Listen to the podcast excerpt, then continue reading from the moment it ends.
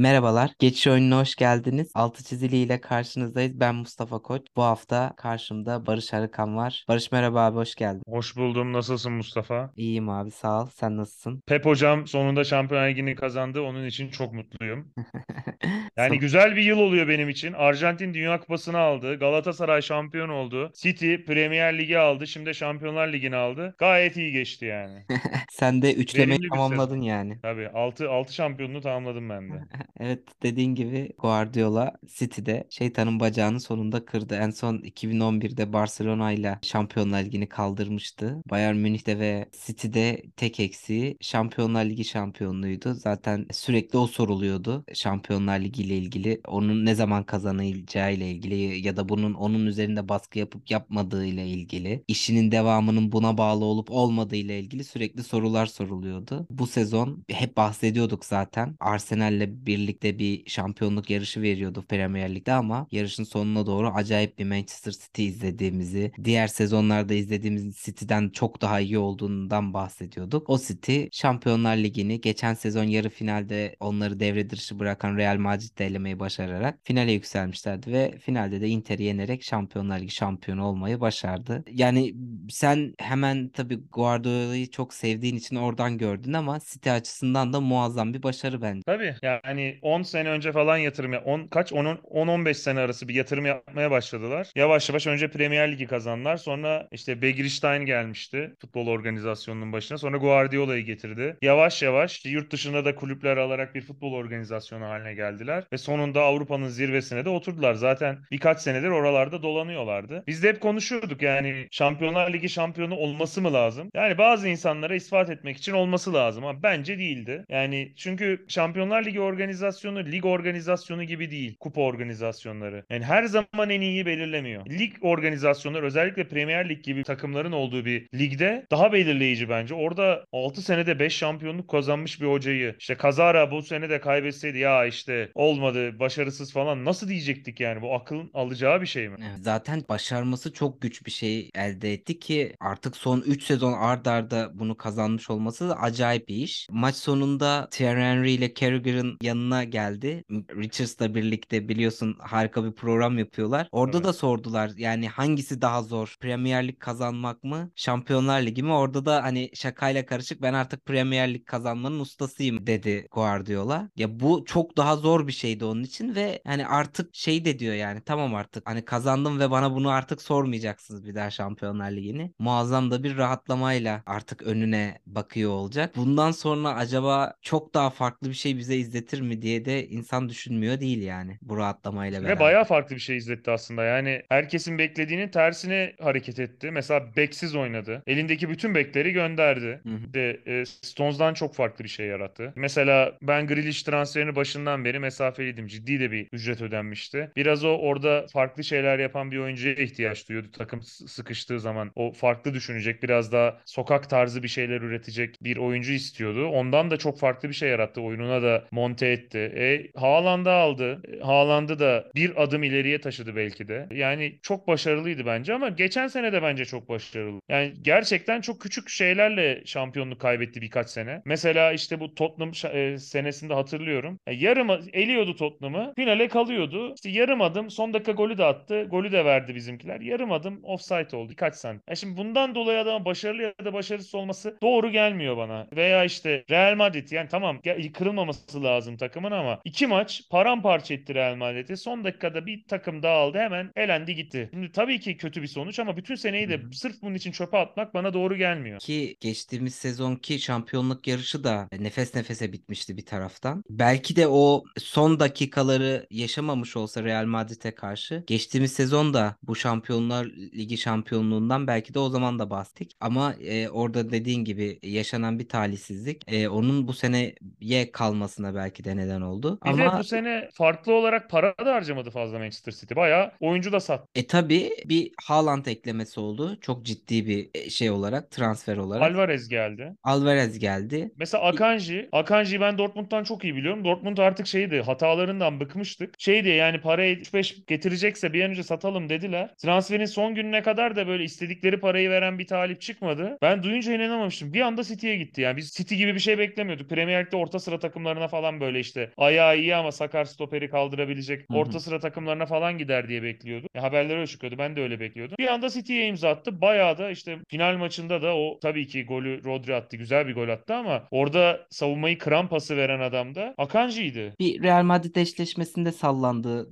periyotlar olmuştu birkaç. Ee, çok zorlandığı anlar olmuştu ama onun dışında dediğin gibi ciddi de bir katkısı oldu. Ki işte Cancelo gittikten sonra yak- sezon ortasında Cancelo gibi bir futbolcudan vazgeçmek çok garip karşılanmıştı ilk başta. Ama gördük ki aslında kafasında bir plan da varmış buna dair. Dört tane stoperle orada değişik bir kurguya gitti. İşte Stones'u karşılamada defansın göbeğine, e, ataklarda orta sahanın ortasına atarak e, farklı bir yapı oluşturdu. Bu da elini güçlendirdi ki işte dediğin gibi Akanji'yi de solda e, kullandı. Sağda pardon dönem dönem solda, dönem dönem sağda solda Ake'yi kullanarak e, değişikli bir kurguya gitti. Yani o kafasındaki plan da defansif olarak çok acayip bir takım ortaya çıkardı. Hücumda da Stones'un orta sahaya geçişleriyle birlikte bu sefer de hücumda da çok kuvvetli bir takım ortaya çıktı. Demin bahsettiğim işte de programda e, şeyi de soruyorlar. Yani bunu bu sezonki Şampiyonlar Ligi'ni kazanan Manchester City diğer sezonlardan ayıran en önemli şey ne diye? Defans diyor yani. Biz artık defans yaparken keyif alıyoruz. Önceden bunu hem yapamıyorduk hem de bundan hiç hoşlanmıyorduk. Ama bu sefer bu sezonki e, takımımız defans yapabiliyor ve defans yapmaktan da hoşlanıyor. Bundan keyif alıyor dedi.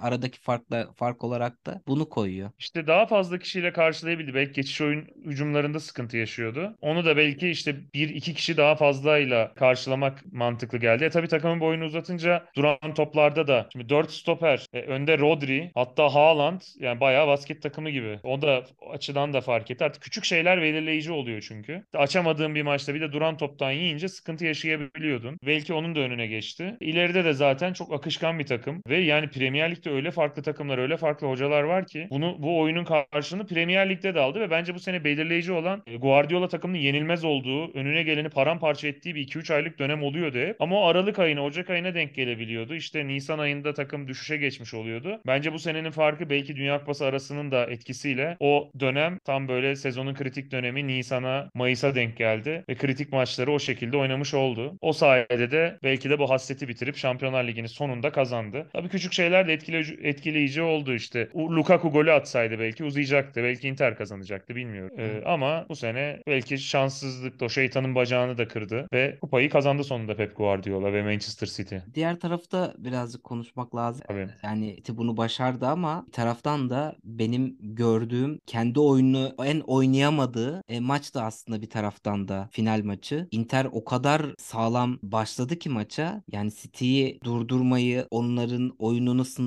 sınırlama konusunda çok başarılıydılar. Ki neredeyse bu bütün maç sürdü. Bir tek ikinci yarının ortalarına doğru City birazcık daha hem oyun kontrolünü hem de hücum sürekliliğini daha da artırarak devam ettirdi ki o sürede de zaten gol geldi. Ancak çok ciddi bir başarı elde ettiler bu konuda diye düşünüyorum. Yani bu sene en başarılı olan onlar oldu City'yi durdurmak konusunda. Özellikle bu son dönemde. Onun yanı sıra yani Şampiyonlar Ligi serüveni de çok başarılı geçti. Aslında şöyle bakmak lazım. Inter'in ayağa kalkma dönemi bu şeyi söyleyebiliriz. Conte'nin gelişiyle başladı aslında. Şampiyon olduktan sonra Simone Inzaghi'yi bıraktı. E Simone Inzaghi de Avrupa'da yani beklenenin üzerinde bir başarı gösterdi bu sene. Yani finale kadar çıkardı. Aslında Inter'in de tekrar ayağa kalktığını söyleyebiliriz. E, eldeki kadroya baktığımız zaman da işte yani iki takımı şimdi City ile Inter'i karşı karşıya getirsen karma bir 11 çıkarmaya kalksan ya City seviyesinde olan tek oyuncu Barella'ydı herhalde Inter'de. Alıp da City'ye koyabileceğin tek oyuncu Barella'ydı. Çok iyi savundular, çok iyi bozdular. Gerektiği yerde hücumda da etkili oldular. iyi bir düzen kurdular ve bu noktaya kadar geldiler. Finalde kaybettiler ama biraz kura avantajı da oldu ama tabii ki avantaj Milan için de o avantaj vardı. Yarı finale gelebildi. Napoli tarihin belki en iyi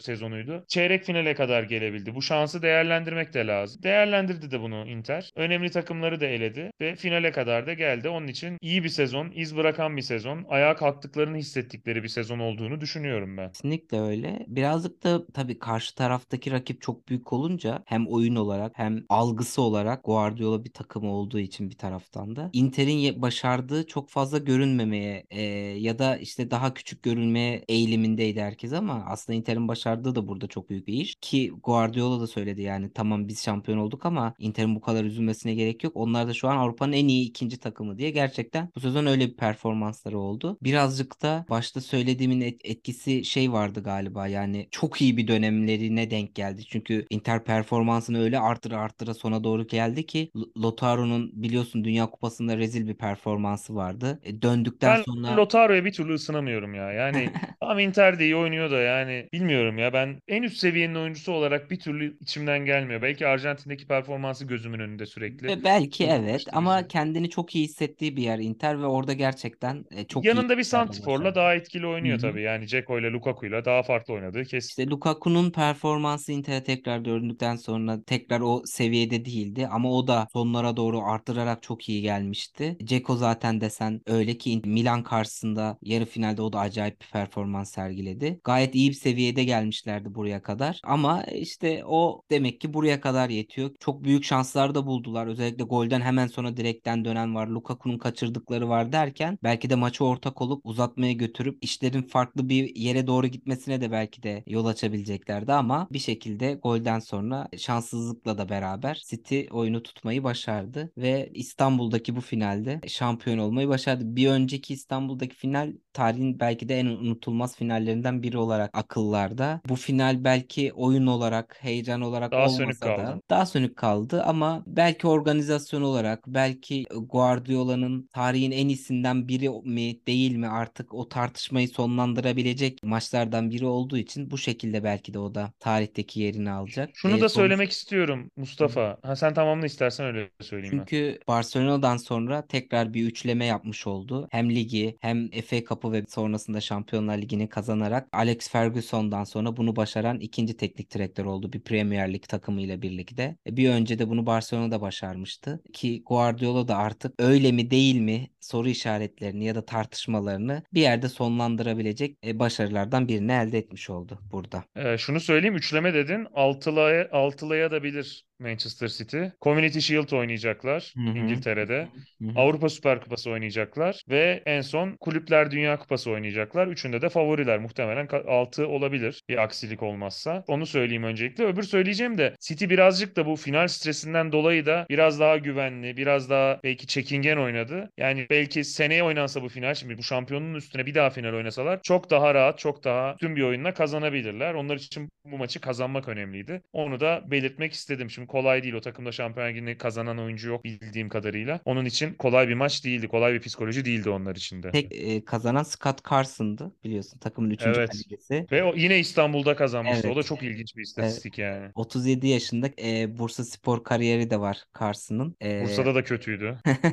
Ve onun içinde tabii değişik bir duygu. Yani hem Liverpool'la İstanbul'da o efsanevi finalde kadroda olmak hem de bu efsane City kadrosunda da olmak ve bunları yaşamak çok acayip bir şey. E, beyler ben bu duyguyu biliyorum tarzı şeyleri vardı onun da böyle e, videoları vardı takıma motivasyon konuşmalarının yaptığı. Tabii onun içinde ayrı bir şey. Çok acayip kutlamalara tabii e, bir taraftan da sahne oldu. Takımın İngilizler biliyorsun bu tarz şeyleri kutlamayı bir, iyi bilir. Önce sahada, soyunma odasında, sonra e, Bakırköy'de bir otelde kalmış City. Orada Manchester'a geri dönüşte falan e, en son Grealish'in sarhoş videoları falan da vardı. Çok da güzel eğlenmişler bir taraftan da. Tabii sonuna kadar hak ettiler bir Yıllardır bekliyorlar. Normal. Tabii e, o şeyle aslında bağdaştıracaktım. Yani senin dediğin o rahatlama da tüm futbolcular da bu şekilde çık e, o rahatlamayı da yaşamışlar. Tabii bizim de içimizde bir ukde kaldı. Biz de maça gitmek için bilete başvuran ve çıkmayan o büyük çoğunluktanız. Gerçekten isterdik bu finalde gitmeyi bir taraftan. Yeterince influencer değilmişiz herhalde biz.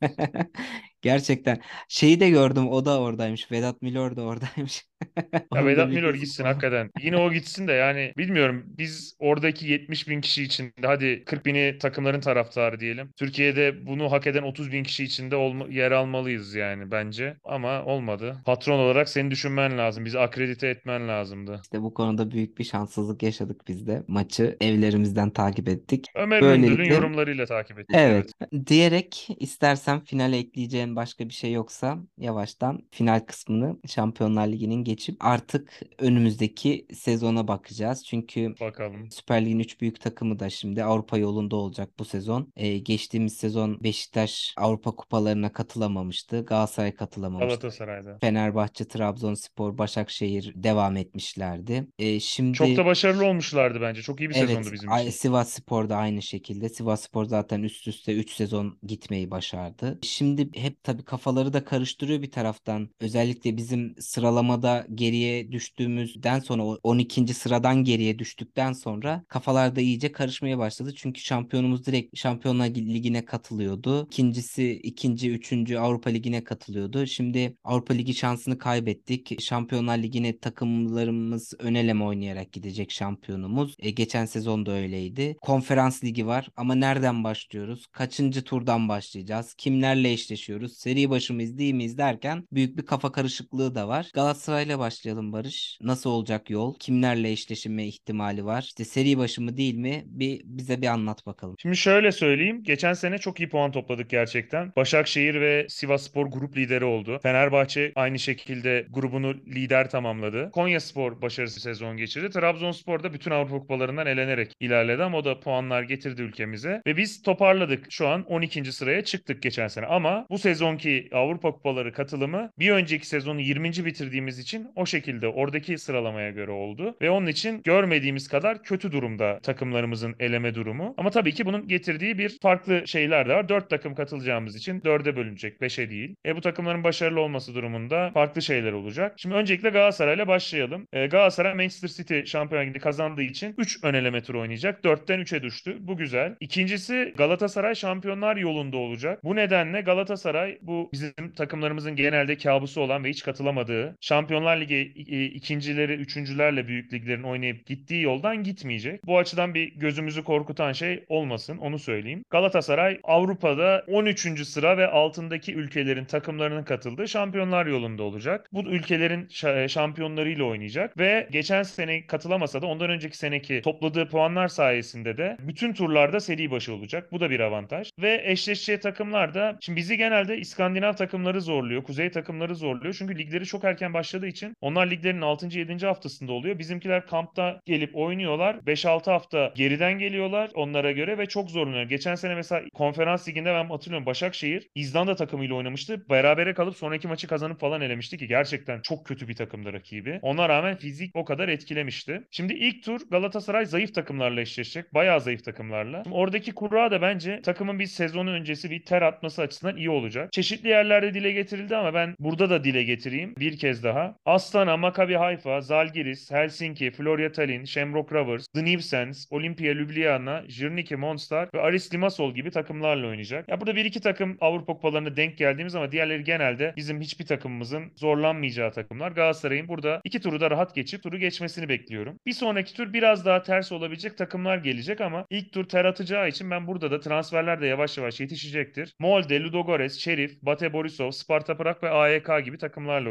oynayacak Galatasaray. Burada biraz daha zorlanabileceği takımlar ama sonuçta bir iki maç oynayıp buraya geleceği için biraz daha avantajı olacağını düşünüyorum. Ve son turda da Ferencvaros, Karabağ, Slovan Bratislava ve Royal Antwerp var. Tabi bunlar şimdi Ferencvaros daha erken başlayacağı için elenebilir ama şu an tahmini olarak bu tip takımlarla oynaması muhtemel Galatasaray'ın. Ben Galatasaray'ın çok garip olayları olmazsa elemeyi geçeceğini düşünüyorum. Şimdi insanların tek göz ardı ettiği Galatasaray'ın yaşayabileceği zorluk şu. Bu zorluğu Beşiktaş da yaşayacak. Adana Demirspor da yaşayacak. Fenerbahçe bir tur eksik olarak yaşayacak. Galatasaray bu 3-3 ön eleme turudaki 6 maçı 6 hafta arası arka arkaya oynayacak. Yani çarşamba veya perşembe günü 6 hafta arası üst üste bu maçları oynayacak. Çok yoğun bir tempo bu. Onun için ilk tur zayıf bir takım gelir de rahat böyle biraz daha rotasyonlu bir şekilde geçerse ve transferler de yavaş yavaş yetişirse çok önemli. Beşiktaş için de aynı şekilde durum bu. Adana Demirspor hiçbir turda seri başı olmayacak. Onların özellikle ikinci, üçüncü elemelerinde çok zor takımlarla eşleşebiliyorlar. Beşiktaş da maalesef Abdullah Avcı ve Şenol Güneş'in son döneminde ve Sergen Yalçın'ın şampiyonlar gruplarında çok başarısız olması nedeniyle son eleme turunda seri başı değil ve gerçekten çok baş belası olabilecek takımlarla oynayacak. O da umuyorum iyi bir kura çekip gruplara katılabilir. Beşiktaş'ın da puanlarına ihtiyacımız var. Bunları özellikle dile getirmek istedim. Yani Galatasaray'ın playoff'ta eşleşeceği takım Beşiktaş'ın konferans ligi playoff'unda eşleşeceği takımdan daha rahat bir ekip olabilir. Şu an öyle bir tablo var Beşiktaş'ın. Ben Beşiktaş'ın muhtemel rakiplerini playoff turundakini sayayım istersen. Juventus, Eintracht Frankfurt, Kulüp Brugge, AZ Alkmaar, Lille, Partizan yani Victoria Pilsen gerçekten konferans ligi evet. ayarında olmayan takımlar ama maalesef Beşiktaş'ın muhtemel rakipler arasında yer alıyor bunlar. Bu sene ilginç gerçekten konferans ligi katı. Orada Juventus aldığı puan cezası nedeniyle oraya düştü. Frankfurt daha önceki senenin Avrupa Ligi şampiyonu. Lille daha iki sezon öncenin Fransa şampiyonu falan derken ciddi rakipler var. Beşiktaş'ın işi zor. Muhtemelen Hani tabii bu oy maçlar oynanmadan belli olmaz ama Beşiktaş'ın Avrupa şansı bu sene için ben açıkçası biraz zor görüyorum. Playoff yolu Yani zor. kurada Beşiktaş'ın da Beşiktaş'ın da Demirspor'un da bence yarı yarıya yani Demirspor'un daha zor tabii de Beşiktaş'ın yani yarısı çıkarsa ciddi anlamda rakibi favori olacak. Diğer yarısı çıktığında şimdi Kuluş falan var arada böyle göze hoş gelen. Onlardan biri gelirse Maccabi Tel Aviv falan Beşiktaş Hı. favori olur ama geri kalan yarısı içinde kafa kafaya olacağını söyleyebilirim. Ya gruplara kalmak da bence çok önemli. Yani çok sempatik geliyor. Aman Avrupa'dan elenelim, lige konsantre olalım ama Ha, yok yani tabii ki. konferans liginde 1-2 maç kazandığında bile ligde çok fazla sayıda maçta kazanamayacağınız geliri elde etmiş oluyorsun. Ya oradaki prestiji de Prestiji de var. görmezden gelinmiş olması beni çok yaralıyor açıkçası. Bu kadar Bu biz Beşiktaş'ın artık buraya uzaklaşmış olmamız çok ilginç geliyor. Ya eskiden tamamen bunun için mücadele edilirdi. Şampiyon bunun için olunurdu bu ligde. Şampiyonlar Ligi'ne hatta ikinci olmak bile çok değerliydi. Çünkü ikincimiz de biliyorsun bir dönem Şampiyonlar Ligi'ne direkt katılıyordu. Ya da işte playoff oynama hakkı elde ediyordu. Yani oralardan artık Avrupa'yı boş verelim. Lige odak daha kolay lige odaklanırız seviyesine gelmiş olmak gerçekten çok çok ilginç. bir de Ee, Beşiktaş'ın bu sıfır çektiği senelerin hiçbirinde de şampiyon olmadı. Hep kötü sezonlar geçirdi zaten. Doğru bir motivasyon da değil yani. Tabii ki öyle. Bir de bu sezon maalesef sen bahsettin bu 6 maçı art arda oynayacak. Hani zorlu bir dönem bekliyor diye. Aslında bu Süper Lig takımları için komple sezon e, çok zorlu geçecek. Çünkü düşme biliyorsun deprem felaketinden sonra Hatay ve Antep düşmedi. Önümüzdeki sezon ligde devam edecekler. 20 takımla devam edecek lig ve 2024 Avrupa Şampiyonası var önümüzdeki sezon sonu. O yüzden e, lig daha erken bitecek. Bayağı sıkışık bir fikstürde oynayacak ki Avrupa'ya kalan takımlar da aslında bunun zorluğunu çok yaşayacak. Bu yüzden geniş kadrolar, o geniş kadroyu iyi kullanabilen teknik direktörler, geniş kadroyu da form düzeyini sürekli tutabilen takımlar aslında burada önümüzdeki sezon içinde fark yaratacak diye düşünebiliriz bir taraftan. Katılıyorum dediğine yani o sezonu erken açıp erken form tutup sonra geri düşmek olumsuz yansıyor ama bu bence yönetilemeyecek bir süreç değil. Özellikle konferans ligi katılımcıları için. Çünkü yani zayıf bir grupta çekebilirler. Orada rotasyonlu kadrolarla da ilerleyebilirler. O açıdan katılıyorum dediğine. Ben şeyi de belirtmek istiyorum. Adana Demirspor'un da muhtemel rakiplerini bir söyleyeyim istersen. Seri başı girmeyeceğini söylemiştim Demirspor'un. Şöyle mesela ilk eleme turunda kulüp bürücü çekebilir. Bazel'i çekebilir. Maccabi Tel Aviv'i, Victoria Pilsen'i çekebilir. Yani bunlar pek eşleşmek istemeyeceğimiz takımlar. Özellikle Demirspor gibi Avrupa tecrübesi olmayan bir takım. İyi oyuncuları var. Avrupa te- tecrübesi. Avrupa tecrübesi olan oyuncuları var ama takım olarak yok maalesef. Umuyorum başarılı olurlar. Başakşehir katılsaydı bütün turlar seri başı olacaktı. O açıdan açıkçası ben daha fazla Başakşehir'in katılmasını istiyordum ama yapacak bir şey yok. Demirspor'da hak etti. İyi bir sezon geçirdi. Onun için başarılar diliyoruz. Evet takımlara Avrupa yolunda başarılar diliyoruz tabii ki önemli. Dediğim gibi yani bizim artık tekrar o mentaliteye geri dönmemiz lazım. Diyerek deminden de bahsettim 2024 Avrupa Şampiyonası artık önümüzdeki yaz iple çekeceğimiz organizasyonlardan biri de o olmuş olacak. Ve tüm bu şaşalı lig maratonlu ve sonrasında Avrupa Kupaları finallerinden sonra milli takımlar toplandı bu hafta biliyorsun. Ve çok kısa bir süre sonra 3 ya da 4 gün sonra değil mi? Milli takımlar maçlarını oynayacaklar. Türkiye'de Letonya ve Ukrayna ile oynayacak. Kadro yine tabii açıklandığında geçtiğimiz hafta yine klasik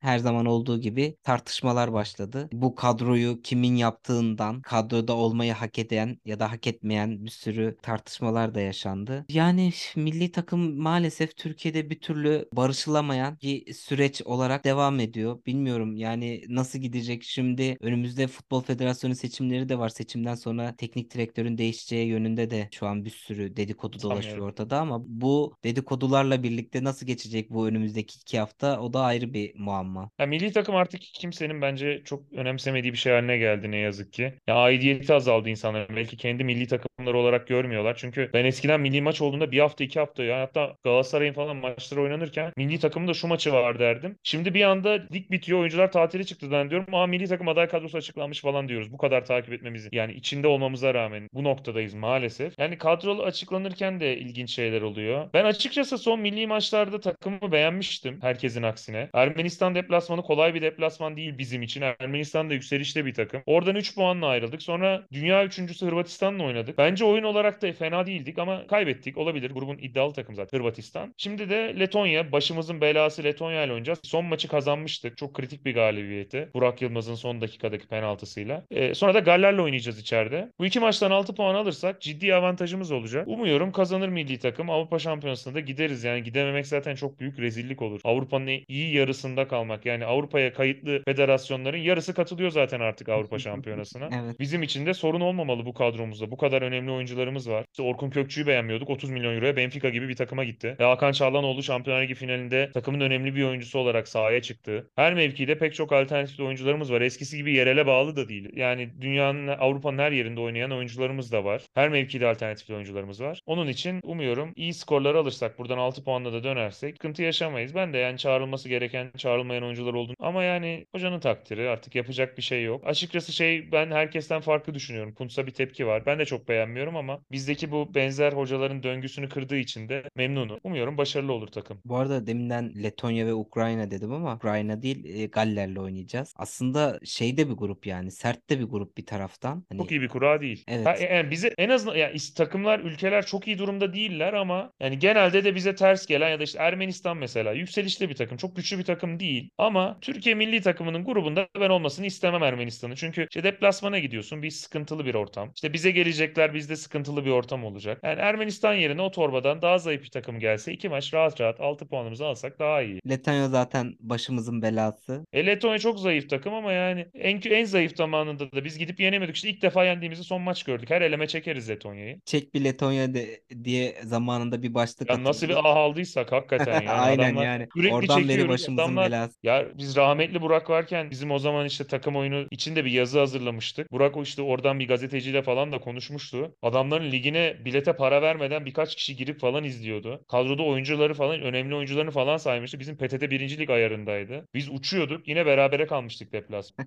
E tabi yani işte Galler'le zaten Avrupa Şampiyonası'nda biliyorsun eşleştik. Tabii tabii. E, Galler bize en ters gelen takım zaten. Evet. E, Hırvatistan desen he, işte grubun ikinci maçıydı. Türkiye'de evimizde ge- geldiler. Güle oynaya, yürüye yürüye yenip gittiler falan. O da Yani 2008'den beri bizi sürekli yeniyorlar. evet zor bir grup. Hani böyle bakınca aa işte Türkiye'nin rahat çıkabileceği bir grup gözüyle bakılıyor ama umarım dediğin gibi o Ama işte şey e, ikinci direkt gidiyor. Üçüncü de e, ya işte elemeden falan bir şekilde gidiyor gibi. Ya o şey var. Onun için gideriz onu herhalde. bile onu bile başaramazsak çok ciddi Tabii sıkıntı çok oraya gelecektim yani. yani. Hani burada Evet. bu grupta en azından bir şekilde Türkiye'nin ikinci olup Avrupa Şampiyonası'na gidebilmesi gerekiyor. Diyerek Barış'cığım yavaş yavaş toparlayalım istersen. Senin de ekleyeceğin bir şey yoksa. Teşekkürler Mustafa. Ağzına sağlık. Sağ ol abi senin de ağzına sağlık. Ben de teşekkür ederim. Bu hafta gündemin en önemli olayı tabii ki Şampiyonlar Ligi finaliydi. Onu konuştuk. Takımlarımızın Avrupa yolunu konuştuk ve milli takıma ufak da olsa değinmeye çalıştık. Yaz boyunca yine bu tip gündemlerle bir araya gelip konuşmaya, muhabbet etmeye çalışacağız tabii ki altı çizili de. Barış bu hafta seninle beraberdik. Tekrardan ağzına sağlık. Önümüzdeki hafta yeni konularla yine altı çizilde karşınızda olmaya çalışacağız. Geçiş oyununu tüm podcast mecralarından ve YouTube'dan GoCast adıyla takip edebilir, dinleyebilir ve en önemlisi yorum ve görüşlerinizi bırakabilirsiniz. Önümüzdeki hafta tekrar görüşmek üzere. Hoşçakalın. Hoşça kalın.